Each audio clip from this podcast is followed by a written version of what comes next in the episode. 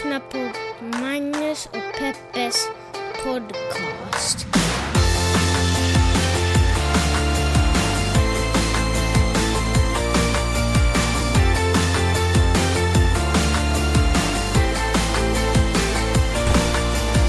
Hallå internet! Hjärtligt välkomna hoppas jag att ni känner er till podcasten. Den här podcasten som heter Magnus och Peppes podcast. Inte Peppes och Magnus podcast som eh, verkar vara the word on the streets. Utan eh, hittar man den här podcasten, kolla det snabbt Peppe. Hittar man podcasten på Podcaster om man söker på Peppe och Magnus podcast. För annars är det ju, det är ju katastrof i så fall. Ja, man Det hittar den omedelbart. Skönt då så. Då spelar det ingen roll. Får du kalla den här podden vad fasiken som helst. Så länge ni hittar fram. Eh, oavsett när ni väl hittar fram, om det är första gången, så är det ju kul för er att veta att det här är en podcast som pratar om de stora och de små händelserna i världen. Och så gör vi det ur ett feministiskt, journalistiskt och mediegranskande perspektiv. Eh, jag heter Magnus Silvenius Öhman och med mig har jag min eh, bisittare Jeanette Marie är man tillika min hustru och initiativtagare till podden. Eller Peppe kan vi också kalla Ja, mig. Peppe kallas det faktiskt också. Eh, om ni undrar varför Magnus står först i Magnus och Peppes podcast så är det för att vid tidpunkten då vi startade den här podden så var jag en större stjärna. Jag var en större kändis. Det var du väl ändå Jo, inte, det Magnus? var jag ju. Kom igen. Du var ju en nyhetsrotta i ett En skafferi. nyhetsrotta i ett som, skafferi. Som bodde i ett skafferi på en dagstidning i Helsingfors. Jag var Ursäkta, ju... jag var chefredaktör. Ja, först ja, men sen så blev det ju en liten nyhetsrotta på en dagstidning i... eh, No, no, det skulle jag... Jag, andra sidan, jag hördes och syntes, inte bara i små, små rum, utan också i media. Så var då till exempel. Som jag hade till exempel eh, ett eget tv-program, flera stycken egna tv-program, där jag var, om inte ensam, så åtminstone en av stjärnorna. Eh, Jag hade ju radioprogram. Här, alltså... Magnus, låt oss tala mer om din har, storhetstid. eh, jag har- långt, långt... eh, En vi gör en historisk podd, ska vi tala om när det gick bra för dig? Jag har ju åkt eh, turnéer runt om i landet. Jag har ju sett mer av ditt hemland än vad du själv har gjort. Eh, åkt runt där, haft eh, liveshower, eh, hostat saker, stått på scen, skrivit autograf. Alltså, jag har skrivit så mycket autografer. jag har haft eh, kvinnor som har, kommit, som har bankat på backstage där, jag, där vi sitter. Med en lapp som jag skrev kanske fem år innan när jag började som radioprogramledare. Där det stod att när du gjort slut med din kille, hör av dig. Delade du ut sådana lappar? Men jag skrev, det, jag, det var väl skoj någon gång. Jag tror till och med den lappen som jag skrev, tror jag till och med snubben stod brev. Alltså det var bara, jag bara retades. Men hon kom med den lappen och ville ha tillträde till backstage för att jag hade skrivit den lappen. För fem år senare så hade hon äntligen gjort slut med sin snubbe. Där hände någonstans uppe i norra Finland. Och där är vi ihop. Och här sitter vi nu. Men vi pratar också om andra saker, inte bara min, eh, mitt kändisskap. Utan vi pratar också om saker som händer runt, händer runt omkring oss. Och en grej som händer runt omkring oss nu är att vi precis har avslutat eh, första säsongen, kanske enda säsongen, av dokumentärserien Surviving R. Kelly. Berätta lite, vad är det för dokumentärserie? Den handlar om artisten R. Kelly och hans... Eh, hur han har genom åren var det otroligt väldigt tydligt Men att han om haft sex med tonåringar. Ja. Ja, men det, handlar, nej, men det handlar ju om överlevande, de som har... De, de kvinnor som har kommit ut ur hans eh, våld, hans manipu, manipulation, kallar sig överlevare hellre än offer. Jag tycker det, Det är, väl, bra. det är, bara det är genialiskt. Inte för att det är något fel på att vara ett offer heller såklart. Men, eh, ja, men så, så prat, eh, men hela dokumentärserien handlar om hur han redan tidigt i sin karriär, R. Kelly, visar ett väldigt stort intresse för eh, tonåringar. Väldigt, väldigt unga liksom, tonåringar. Alltså vi snackar 14 år. Alltså Ja. verkligen. Så, ja. Och, eh, och så fick jag till och med frågan senare i en intervju på, nu minns jag inte vilka, och det var, det var typ MTV eller motsvarande. Och så frågade den här programledaren honom, men stämmer det här att, att, då var han liksom långt över 30, stämmer det här att du hyser en förkärlek att vara ihop med tonåringar? Och istället för att förneka det här så sa han bara att, ja alltså, hur gamla är tonåringar? Och programledaren var, mellan intervjuaren var så att men alltså tonåringar, det är folk som är mellan 13 och 19, eller Ja. 13 och 20. Och han bara, ja men alltså 19-åringar är ju tonåringar, liksom, han, han ville verkligen inte släppa det här för att han, han gillar tonåringar.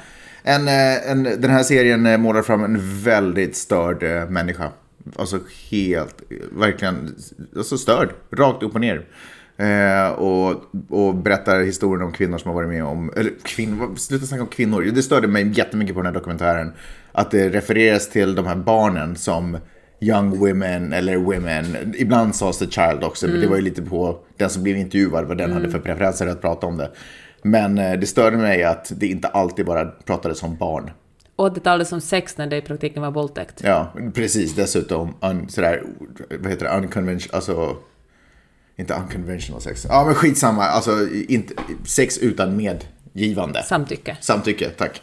Ja, nej, precis, när det borde Ja, det existerar ju ingenting sånt som Nej. sex utan samtycke. Ja, det är jättekonstigt. Varför, varför, varför pratar man om det på det Men jag sättet? tror att USA ännu inte riktigt har greppat samtyckeslagen. Jag tror att man inte riktigt liksom förstår det här. Konceptet med det. Ja.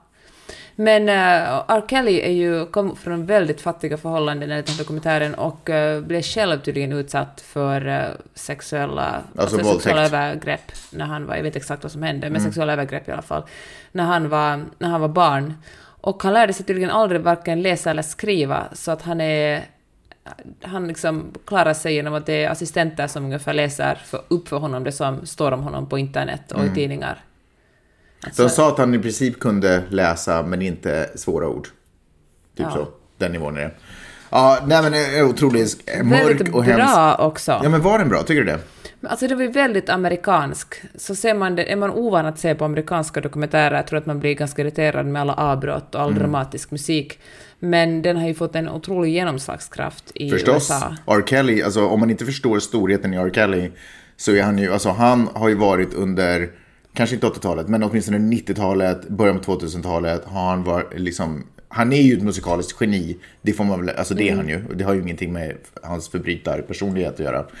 Men, eh, och har varit en, eh, en röst för, liksom svart, han har varit otroligt stor i den svarta kulturen. Eh, jag kommer ihåg när jag själv på 90-talet, då var det liksom, på när 80-talet, då skulle man välja mellan Bon Jovi och Europe. Europe. På 90-talet skulle man välja mellan R. Kelly och typ eh, NWA. Det var ungefär den grejen. Det var antingen hiphop eller, eller som så, eh, gangsterrap eller så var det R. Kelly. Du valde Jag valde R. Kelly. Nej, jag skojar bara. Nej, jag har alltid varit hiphopare. Men det spelar ingen roll, det, det visste man ju inte. Eller man förstod ju inte. Men i alla fall, ja. Ja, men den var bra. Men jag tänkte på en sak att varför det så...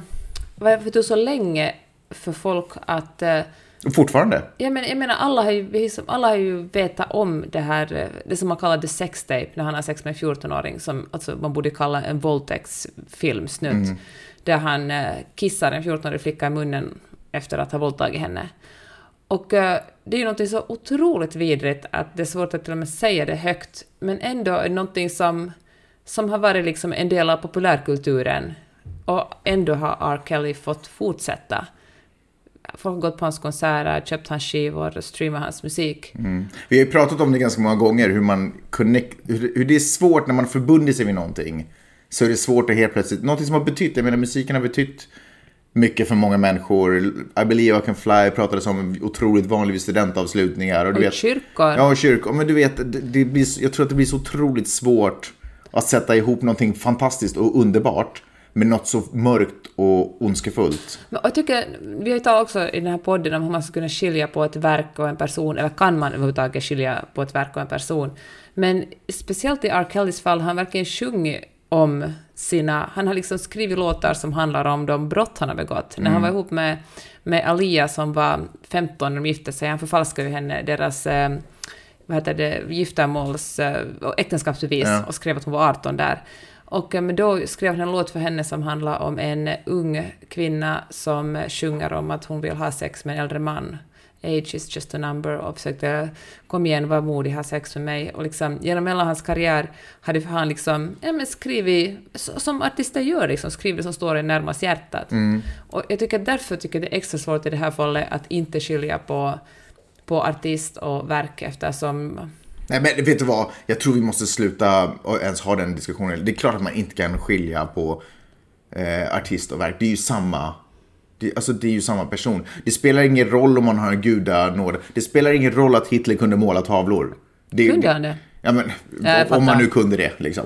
Det, alltså det, det kan inte ursäkta. En, en fantastisk sak kan inte, det, det blir liksom inte ett minus och ett plus. Det, det, det funkar Mm. inte så. Om man gör vidriga och förkastliga saker så är det det man ska dömas för. Inte att man, liksom man kan inte få lindring för att man också kan göra musik. Det är liksom inte, det, det, det måste vara slut med det där. Det, är liksom, det funkar ju inte. Samma sak med, ja, men det finns ju många exempel som helst på det där. Och det måste vi, det får bara vara slut på det där. Om man googlar R. Kelly nu så ser man att den här eh, dokumentärserien då, som sändes från början på eh, tv-nätverket Lifetime här, eh, som för övrigt exekutiv producent för det, den här dokumentärserien. Och kanske också huvudsakliga orsaken till att vi ens började titta på den. Ja, om man ska helt ärlig. helt klart. Förutom att nu har det blivit otroligt mycket surr runt den, så nu hade man kanske inte ändå velat se den. Men han är svensk, Joel Karsberg, en kompis till oss också. Så det var ju extra spännande att han... eh, Ja, man har ju sagt att det var verkligen ingen lätt process att göra den. Nej. Men, eh, men han gjorde det ändå. Han gjorde det ändå. Om man googlar R. Kelly nu så ser man att arenor ställer in eh, hans spelningar i större utsträckning. Hashtaggen mute R. Kelly. Precis, han, har, han är stämd, det börjar lyftas upp något rättsfall igen eh, mot honom och så. Eh, jag ska gå in och kolla här, jag ska läsa alla rubriker. Jag som- säga, det som slår mig var så otroligt modigt av de här unga kvinnorna som berättade om vad de hade utsatts för, för det var ju vidriga saker. Han har ju liksom manipulerat dem och hållit dem eh, fång, fångna, liksom haft harem med kvinnor Mm. i fångenskap i sitt hem. Och, och så kommer de ut och berättar öppet om vad som har hänt och vikten i att berätta, att vi, att liksom, för att många känner sig, tror jag, ut, de har ju förbjudna att tala med varandra och ha kontakt med yttre världen. Men att vikten att liksom säga att jag har varit med om det här och höra andra röster som säger att de också varit med om det här, är liksom, eh, jag tror att det är, jag tror att man inte kan fatta vilken tyngd det har. Att få, an, få liksom andra kvinnor i utsatta situationer att känna sig mindre ensamma och förstå att det är inte jag, det är han. Sen är det ju sjukt deprimerande att de här de kvinnorna som överlevde och har kommit därifrån, eh, som har berättat om det här, eh, en, en ung tjej som har varit, alltså, som har varit med på tv-shower och sådär, har liksom ändå inte tagits på allvar. Först när det kommer den här dokumentären. Så då på något sätt, det är som att det inte har varit på riktigt om det inte på riktigt görs tv av det, eller drama av det snarare. Det räcker inte med talkshow och sådana saker, det ska göras drama av det. Då blir det på något sätt som att då har det hänt på riktigt. Men unga kvinnors historia har ju aldrig fått speciellt mycket tyngd, de har alltid avfärdats som hysteri. lyfter också upp en otroligt intressant eh, aspekt i det här, på den här rasistiska planeten som vi lever på. Nämligen att om det här hade varit frågan om unga vita kvinnor, förlåt, unga vita barn som hade eh, separerats från sina föräldrar och eh, hållits liksom inlåsta i, eh, och totalt kontrollerade i ett stort mansion, antingen i Atlanta eller i Chicago. Så hade ju han förmodligen varit avrättad vid det här laget. Liksom. Ja, han hade suttit i fängelse. Nej, så det blir också så tydligt. Det finns ju den kampanjen också att unga svarta flickors liv räknas inte. Ja. Young black women life does matter, eller, ja, eller hur det var. Ja, otroligt gripande. Nu är vi klara med den. Tror du det blir en säsong till och vad skulle den handla om? Men det är intressant att se fortsättningen, kommer han att dömas?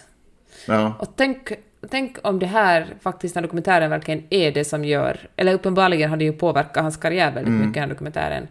han blev av med, det, det pratas om det där skivbolaget som fortfarande är, som, i dokumentären pratar man om varför gör de, fort, varför är de fortfarande Ja. affiliated med honom. De lär ska brytas upp nu också. Jaha, ja, där ser man. Så ingen mer musik kommer släppas av honom i liksom, om Tänk gör det. Joel, tänk vilken, eh, tänk att vara mannen bakom dokumentären, det är ändå, tänk liksom att kunna påverka så mycket.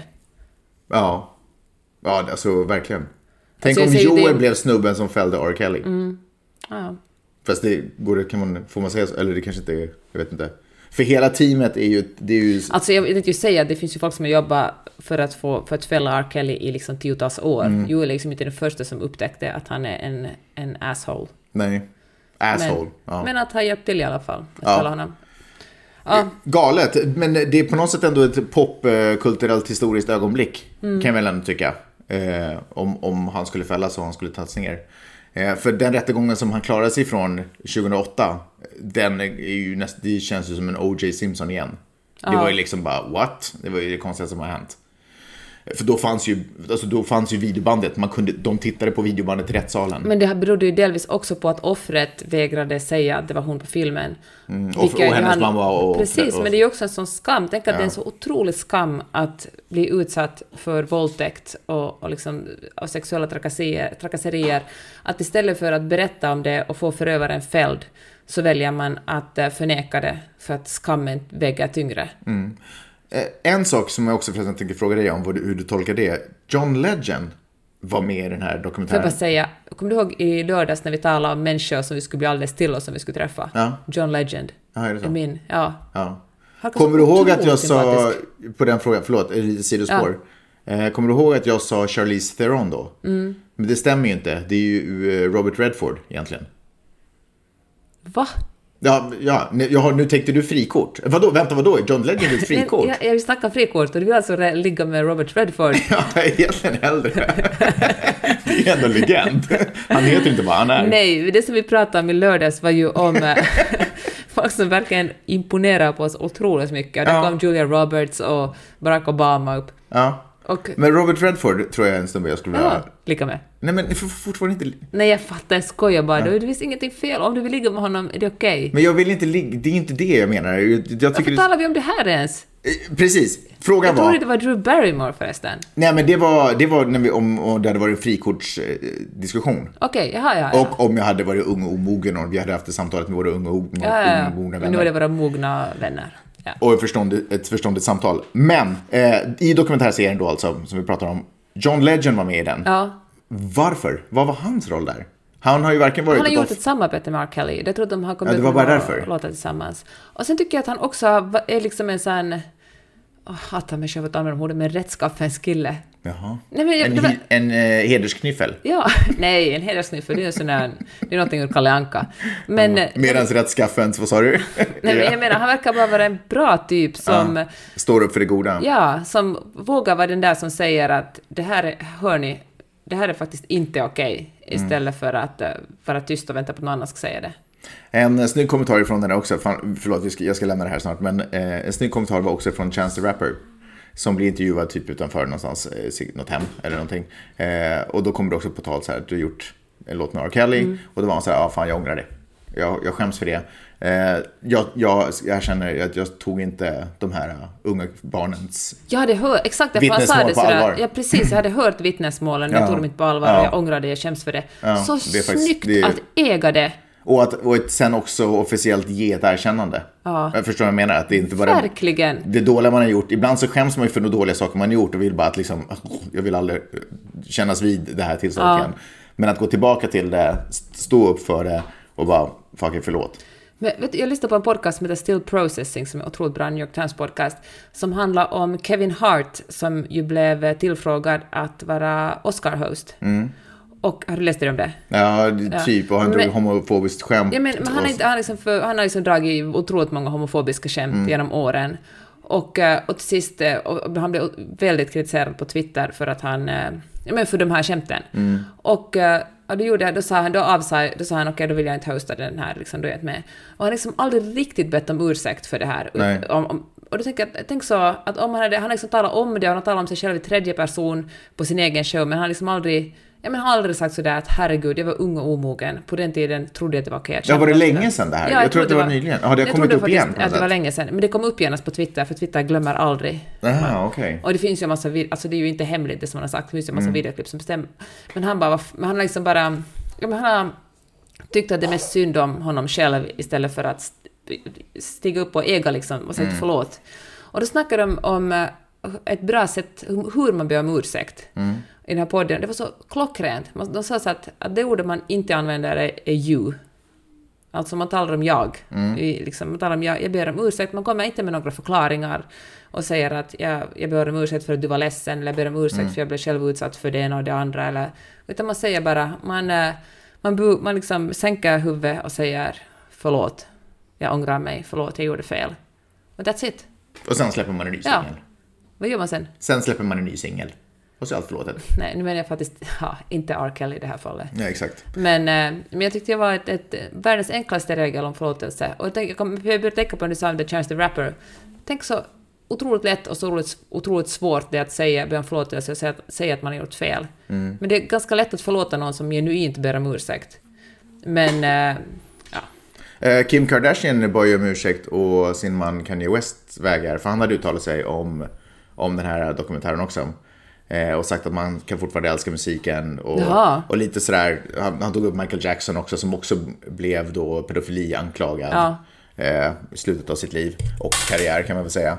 Eh, men nu, sen så kom eh, Kim Kardashian ut med en tweet och var sådär, det var inte så han menade utan han pratade om egna erfarenheter, om att han själv tappar ibland spelningar för ett rykte som sprids och Ja men vad fan, Alltså, alltså... den där vad- familjen har tappat Ja. det. Alltså, Kanye West är också nästan bara för sina åsikter och för sina... Ja, för, jag jag, vet. vet inte om han är på riktigt eller om han bara provocerar. Jag vet inte. Men, Men vilken fall känner jag... samma, alltså gud vad hemskt. Alltså, tänk också att hon som hans fru ska vara tvungen att be om ursäkt på hans vägnar. Mm. Det är ju liksom, nej vad patetiskt och vad hemskt. Jag tycker ganska mycket om Kanye Wests musik. Ja. Ja, men ja, där har man det igen. Där har man det igen. Musikalisk geni, idiot liksom. Ja, men då får man Men fan bara... lyckligtvis finns det ju bra musik av bra Vettiga människor. John, Legend. Där har vi det. Får jag bara också tillägga att jag har faktiskt inte googlat om Robert Redford har gjort någonting. Så att allt det jag har sagt är i händelse av, eller förutsatt att han inte har gjort något liknande eller är anklagad för någon motsvarighet. Om jag går in på Google och finner, jag gör det nu. Nu ska jag se här, Robert Redford, vad ska jag skriva? Rob- Scandal. Jag är så nervös nu. Robert Redford. Han, du vet ju att han är uppvuxen i Santa Monica här Nej, det visste jag inte. där vi bor.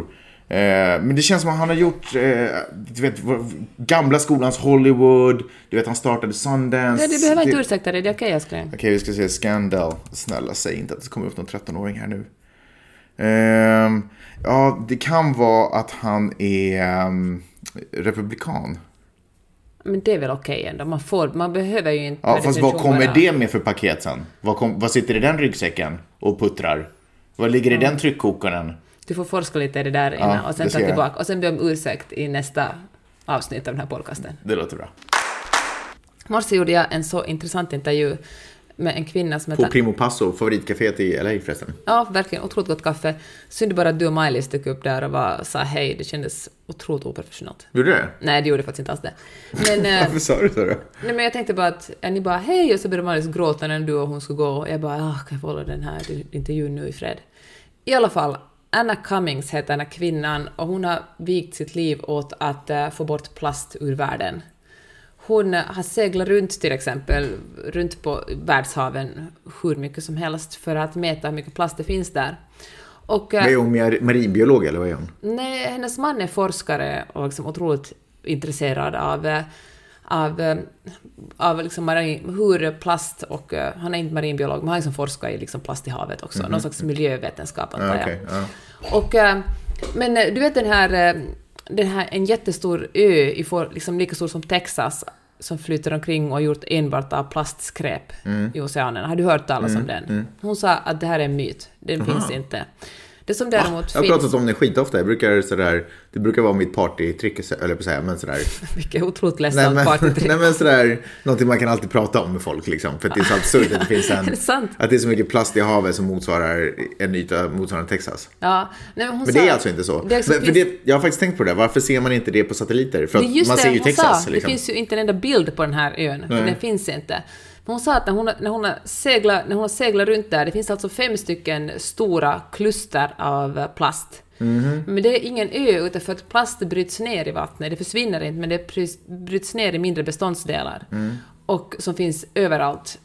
Men man, det ser blått ut, som man kan, när man seglar igenom de här klustren kan man segla i veckor. Och så ser man en tand- Utan att man liksom märker att man är i klustret. Ja, man ser liksom en, en plastflaska här, en tandborste där. Men blir det som en- gelé då, det här nedbrytbara? Eller? Nej, det blir, som, det blir, blir bara mindre, mindre, mindre beståndsdelar. Det blir så smått att du inte kan skopa upp det ur havet.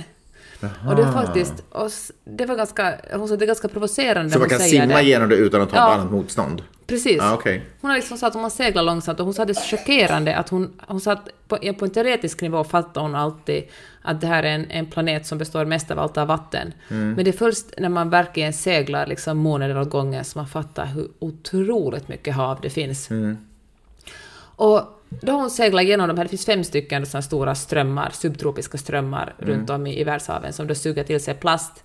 Och så kan de åka dem fram och tillbaka längs med strömmarna, det här plastet, och sen till sist eh, sköljs de upp på stränderna. De som ännu inte har brutits ner. En stor del bryts ner och Mhm. Så det här fiskar. myter om att eh, sköldpaddor åker dit och fastnar i de här, eller du vet att fiskar ligger och sprattlar i de här klustren, det stämmer alltså Ja, men det finns ju också saker som, jag tror att fiskeriet är till exempel en stor orsak till att fiskar fastnar och dör, för de, vissa nät cirkulerar, allt bryts ju inte ner väldigt Mhm. Ja, men det har inte med plasten att göra. Ja. Ja. ja, men visst är det också plastnät. Det finns ju Ah, plast i ja, okej, precis ja. allting. Hon sa bland annat att det finns otroligt mycket plast i kläder. Och varje gång vi tvättar våra kläder så det sköljs det ut en massa så här mikrofiberplast i Mhm. haven. Det finns liksom, det finns plast i salt, det finns plast i honung, det finns plast, Plast i luften. salt? Ja, det, man hittar plast överallt. Och plast i honung, hur kan det vara? för att bina liksom dricker vatten med plast i. Alltså det är så små, små, små, små, små. Och det finns en Fast massa... det kan, är det skadligt ens då om det är hon så? sa att man vet man vet liksom vilka kemikalier det finns i plasterna, men man vet liksom inte hur de, hur de eh, påverkar varandra. Hon sa att inom tio år vet man ganska bra exakt hur farligt och giftigt det vi har är. haft plast sedan 60-talet. 50-talet. Ja. Nej, men, man har liksom inte undersökt det och det är väldigt svårt att veta exakt vad som påverkar vad. Mhm. Men eh, det är inte så bra. Och det som vi ska komma till, som hon sa, var att eh, hon tycker att alla de miljoner, miljarder som satsas på att rensa upp plasten ur havet, att det är, hör håll i dig, att slänga pengarna i sjön. Eh, Mm, sa hon det? Throw the money in the sea. Nej, men det var jag som sa det. Visst var det ganska bra? Ja, det var verkligen bra. Du Hon sa- måste patentera den för den Ja. är bra. Hon sa att för det mesta plaster kommer alltså att sköljas upp på stränderna ändå. Men så sa hon också. Fast det kommer att... vi ändå inte se för det är mikroplast. Men en del, en del hinner upp på stränderna och ett annat bryts ner och finns inne i fiskar och andra... Mhm, och det får vi bara leva med, liksom. Mm. Ja, ja, det gör vi det nu. Och eh, hon sa att det som är mycket viktigare är att man kollar liksom, ser lite längre upp i kedjan, av produktionskedjan och ser måste verkligen allt det här plastet produceras. Men alltså För har plasten- människor också plast i kroppen då? Ja, jättemycket. Är det sant? Och man märker Så om man skulle ta blodprov skulle man säga så här, ah, 10% Ja. plast. Ja, tio kanske är lite att ta i, men åtta. Nej, jag skojar. Men hon sa att hon till exempel gjort det själv. Ja, och hon hade massa plast. Ja, hon har plast i kroppen. Är det sant? Ja. Och, eh, och då tänker man sig att men, men ens första reaktion är att är det faktiskt så farligt? Men eh, det är alltså, man vet inte. Hon Men vi att- lever ju längre nu än någonsin, vi är friska. Så Ja, men det har kanske inte att göra med plastet att göra. Att Nej, men det verkar inte- nej, nej, du men- menar att plastet håller länge och du håller människan också länge? Nej, men jag menar om plastet skulle vara farligt så då skulle vi ju inte göra det. Ja, men det, ja, jag vet, alltså jag tror att det finns faktiskt, du vet när man får Jag barn. fattar att det inte är hälsosamt, men jag ser kanske... Men okej, om hon sa att ofta går folk igång på två saker, med att de ska engagera sig i miljörörelsen. Ett är hälsa och ett annat är plånboken. Och eh, plast är ju billigt, men eh, det måste man liksom hitta, man måste bes- beskatta det på något sätt mer så att få bort det. Men ett jättestort problem som, är, på senaste, som folk liksom har verkligen börjat snacka om mycket på sistone är ju såklart klimatförändringen. För plast görs ju av fossila bränslen. Och eh, fossila bränslen är inte så speciellt bra för eh, klimatet. Nej. Och, Fast eh, plast kan väl göras av annan plast? Ja, ja, du menar att man ska recycla Ja. det? Hon sa att jättemycket av det är greenwashing. När man köper grejer när det står att det här är, det här är recyclable, det, det mesta liksom återanvänds aldrig. Till exempel har USA haft en deal med Kina hur länge som helst Mm. om att Kina har tagit plastavfall och, och betalat till och med för det, alltså någon cent för tonnet liksom, men jag Mm. får betala för det. Men, problem, men från och med, jag tror det var, jag lyssnade på en podcast om det här, som, jag tror det var Planet Money som talade om det, men jag tror att från och med förra året så har Kina slutat ta emot plast från USA. Och nu när vi inte kan skicka iväg plast härifrån så är det mycket Oj, konkret hur mycket... Nej, men, amerikanerna. Ja, men nu samlas i alla fall otroligt stora plasthögar runt om i landet som folk inte riktigt vet vad man ska göra med. Ja. Alltså, Så- men borde inte det gå om... Jag tycker att det borde gå omvandla, liksom. Alltså, det är inte så... Eftersom du precis säger, det, det görs ju mer och mer plast. Men det är väl så att all plast inte kan äh, återvinnas. Nej, jag förstår, men stora delar måste väl ändå gå. Och det, måste, inte. och det måste vara bättre än ingenting. Och det är antagligen dyrt att återvinna det och det tycker, det tycker liksom industrierna att det var bättre att kasta bort det och producera Och nytt. gör nytt. Hör du, du måste ändå förklara för mig hur, kom, hur det kommer sig att återvinnat, återvunnet plast mer är eh, greenwashing än... Ja, man säger att, att det här ska vi återvinna och sen går det kanske att återvinna till en pyttedel, typ etiketten på flaskan går att återvinna, men inte resten av flaskan. Mhm. Hon sa förresten att ett jättestort problem bland annat här i USA är plast, alltså det här muggar, alltså inte plastmuggar men så pappmuggar som Mm. man köper take away kaffe i. Starbucks har ett problem med det. Då tror man att det är papp liksom, det här går, ju- det är ju jättebra, det här liksom Ja. cellulosa. Men det är inte alls för den där plastgrejen som gör precis den där som vikningen där man dricker. Det är Alltså man kan ju inte ha plast. papper och vätska i, det måste ju vara ett plasthölje. Liksom. Ja. Det är samma sak i mjölkförpackningar också. Ja, tetraförpackningar. Ja, men det ser ut som, det ser ut som någonting som går att äh, bränna upp eller, eller återvinna, Mm. men så går det egentligen inte alls att göra det. Så att... Men äh, att bränna upp är ett bra alternativ annars. nej, man kan bränna upp, men det är otroligt giftigt att bränna Ja, upp precis. plast. Det var det jag också förstod. Ja. Så det är, därför sa hon att man borde göra mer grejer av... Det, det som hon, hon sa att ett första steg, ja men faktiskt, av trä liksom... äh, Men vi kan ju inte hålla på och skära ner våra skogar heller. Ja, man kan plantera ny skog tydligen. Alltså, vet du vad som är någonting- problem- det, men det, Alltså får jag bara säga, men tre är ändå att om man gör det, om man gör det liksom, inte skövlar ner skiten utan gör det på ett sätt, ett hållbart sätt, så är det ett jättebra alternativ. Men det allra bästa, sa hon, är såklart att inte producera så mycket av någonting alls, utan helt enkelt skapa förpackningar som inte är engångsförpackningar eller tvågångsförpackningar, utan skapa sånt som håller länge. Hon sa bland annat i eh, London finns det något som heter Cup Club, där man har en, eh, som många kaféer och också kedjor har gått ihop med, så man har tydligen en kaffe, jag hoppas jag förklarar det här rätt nu, men en eh, kaffemugg som man köper på ett ställe, dricker man upp kaffe och ska man lämna in det på nästa ställe, trots att det inte är samma kedja. Det Hon sa att det är ungefär som de här cyklarna, stadscyklarna eller, eller stads... eh, Vad heter det? Sparkbrädorna. Man använder det stunden man in det. Alltså skoterna. Ja. Ja. Hon sa att det borde man också göra med, med take-out-mat. Istället för att det kommer, här kommer det alltid i så här, plastförpackningar eller folieförpackningar. Och istället ha, ha kärl som kan användas flera gånger. Att näst, nästa gång man beställer take-out så kanske den här personen tar med sig förra gångens fat och uh, diskar dem. Stru, vad vet jag. Men hon sa i alla fall att det som vi måste se på är att eh, använda annan sorts material, för det här plastskitet det håller inte eh, om man vill leva på en hel jord. Eh, Är inte det stora problemet att vi bara blir fler och fler? Alltså, borde det inte istället införa max två barn per familj? Så att vi inte blir fler. Du menar att en enbarns och tvåbarnspolitik, det gick Ja. så otroligt bra i Kina? Ja, det gick ju bra i Kina. Det gick ju åt helvete. Nej, det de finns har- ju en ja, massa män helvete. som nu är helt, som har liksom proble- otroliga problem. Och du Ja, alltså socialt gick det åt helvete, men det kan Ja. man ju lösa. Hur då? Kina hade ju bara inga ambitioner om att lösa det problemet. Men hur löser man men det de då? lyckades ju hålla ner befolkningsmängden. Och det var ju ambitionen. Ja, men det känns lite... Alltså det känns faktiskt inte okej att staten ska diktera hur många barn man får ha. Är det sant? Ja. Staten har ju försökt uppmuntra folk att göra barn. Varför kan man Ja, inte men det är ju uppmuntra folk absurt, så det kan verkligen hålla. Dessutom går vi, dessutom bromsas väl, ju, ju be, mer utbildning, ju bättre, ju bättre tillgång kvinnor har till sina egna kroppar. När abort är tillåtet, när preventivmedel är tillåtet, när kvinnor får kunskap om, och män i och för sig också, om sexualitet, så då kommer ju, då kommer ju liksom vi att, inte att bli lika många lika fort längre. Och det var något som hände, inte, var inte Hards Rosling som skrev om det här, att ju mer kunskap och ju mer eh, jämställda, ju mer jämställt världen blir, desto färre barn föds. Ja, just det. Precis, så är det väl ja. Ja, vår tvåa var ju en olyckshändelse, så det var inte liksom med flit. Vad, ja, vad tänker du där? Vad sa du? Vad tänker du Nej, där? men åtminstone är vi ju inte fler än... Vi är liksom, Nej. Det är inte fler som checkar in som checkar ut, om vi säger så. Men det är verkligen, alltså barn är ju en belastning för miljön. Men jag tänker kanske... Nej, alltså människor, barn. På vilket sätt barn är bra? Människor är men att belastning? göra barn, okej. Människor, Det, ja, Men vänta, att göra barn är väl inte en belastning för miljön? att knulla. Vad pratar du nu för konstigheter? Nej men jag menar bara... Alltså, människor är väl en Jag tror belastning? att du förstår vad jag menar. Det alltså inte- alltså, ja, Nej, men att vi blir fler. Ja, Ja, precis. Så att de borde kanske inte göra oss mera fler. Men de, som, men de av oss som har barn tycker jag måste vara extra noga med eh, hur mycket vi sliter på miljön.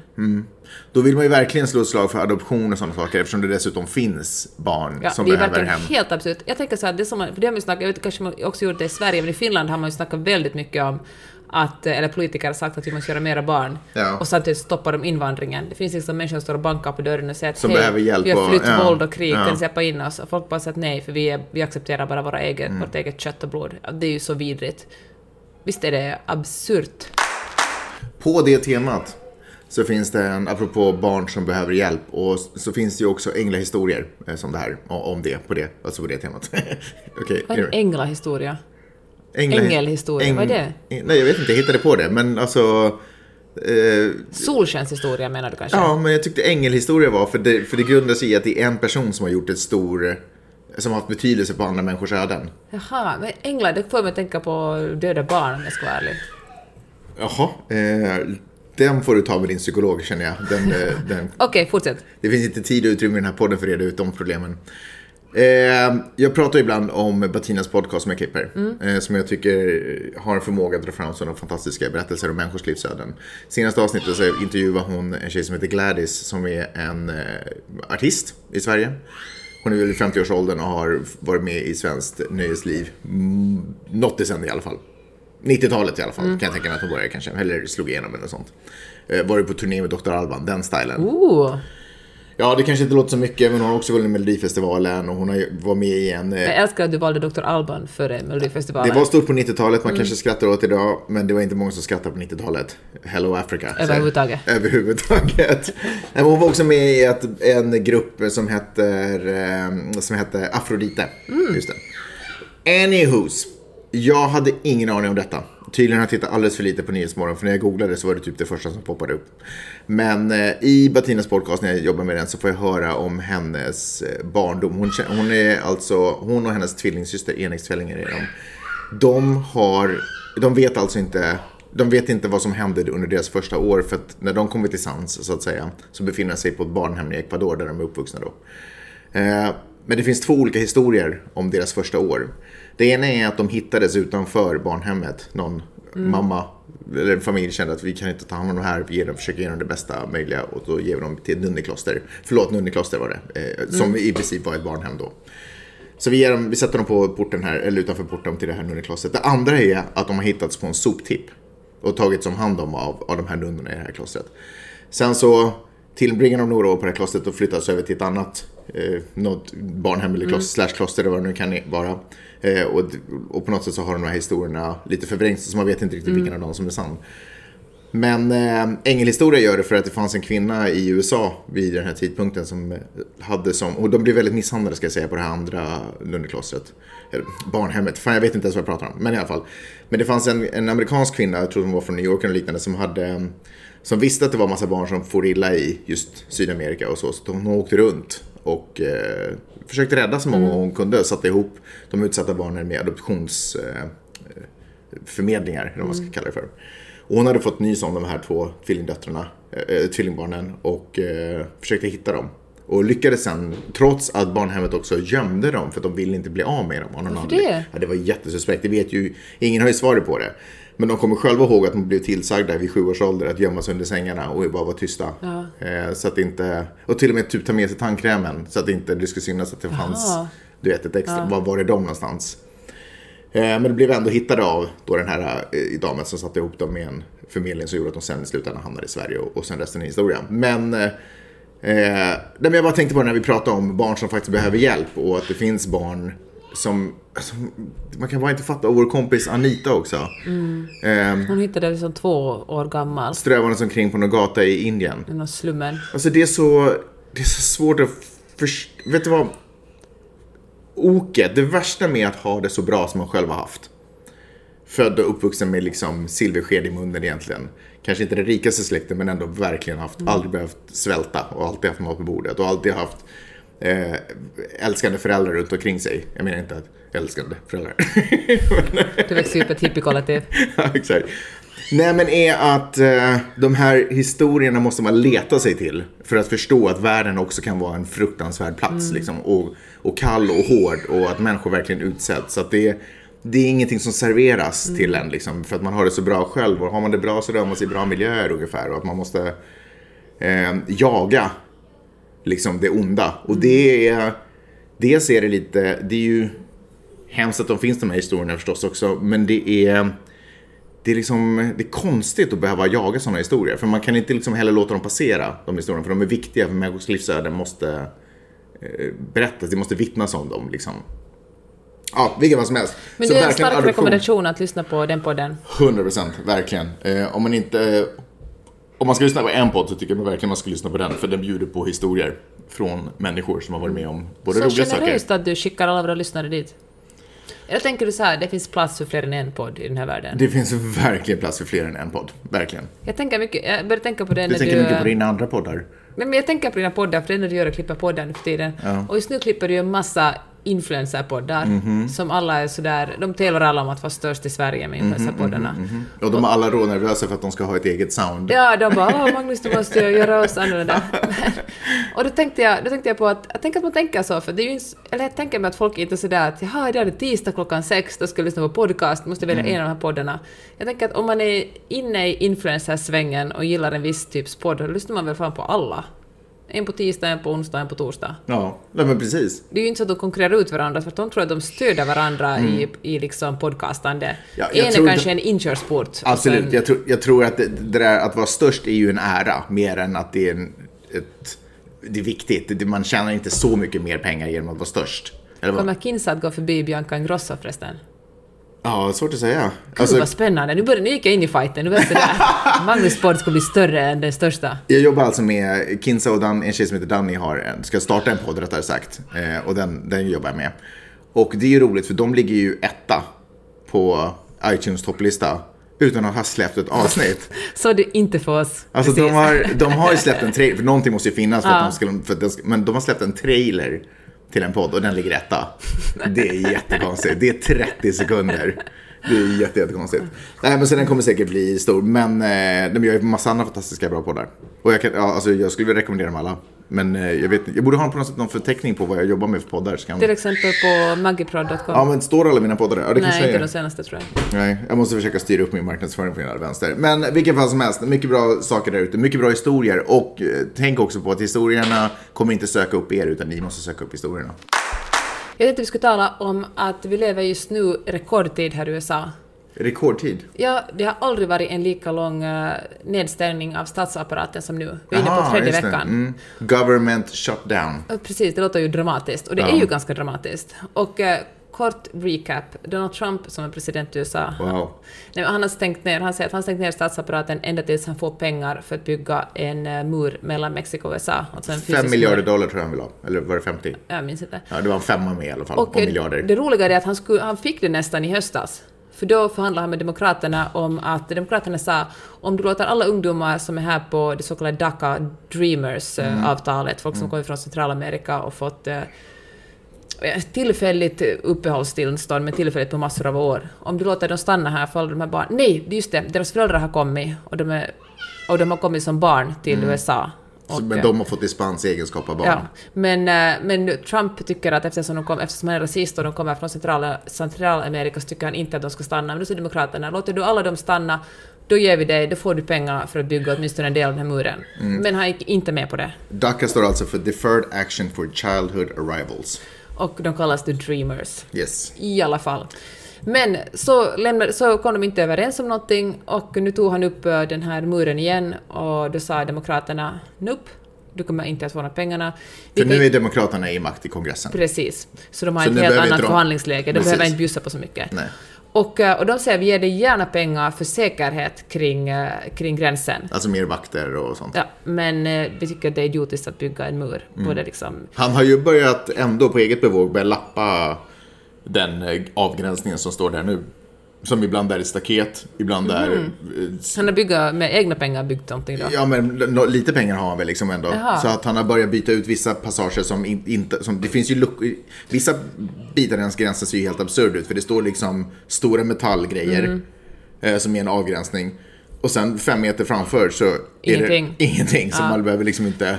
Och eh, det, går, det finns ju liksom, längs med hela gränsen mellan Stilla havet och Atlanten finns det ju, det finns ju stundvis eh, en, en mur där. Och så finns det jätte, liksom hundratals kilometer där det inte finns någonting Mm. Jag tror att det var exakt det jag sa nyss.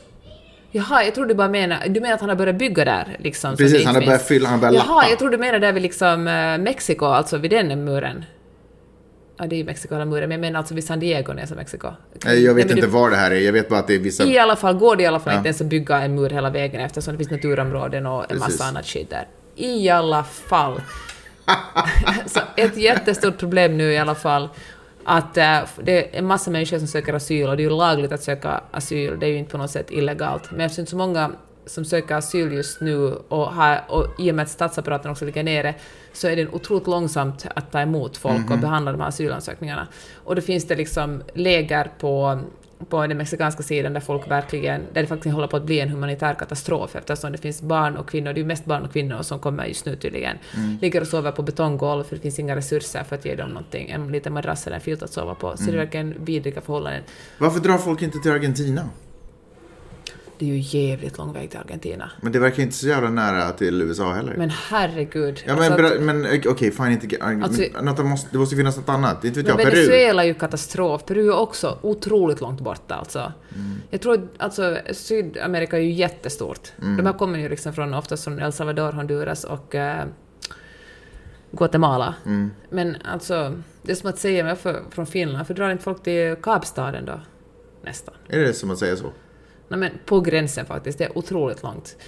Men tillbaka till den här statsapparaten som ligger nere. Mm. Det påverkar bland annat eh, nationalparkerna, varav till exempel Joshua Tree har redan blivit demolerad delvis. Demolerad? Nej men alltså folk kör omkring där, nu när det inte finns några så här park rangers som jobbar där och hindrar folk, gör de precis vad som helst. Jaha. Skräpar ner och liksom, eh, folk åker omkring med sådana här, vad heter det, sådana här fyrhjulingar som Mm. man eh, åker om, ja, och de liksom huggit ner sådana där ikoniska kaktusarna som symboliserar Joshua Tree, en hel del av sådana, och krockar med sådana och kör på. Dem och bara liksom, ja men härjar runt, smutsar ner och liksom... Det är sant. Människor är ju som tonåringar när föräldrarna åker bort en helg. Då är det fest, här får man göra vad som helst. Nej, inte människor. Det är ju en viss sorts människor Ja, men är det är så svinaktigt.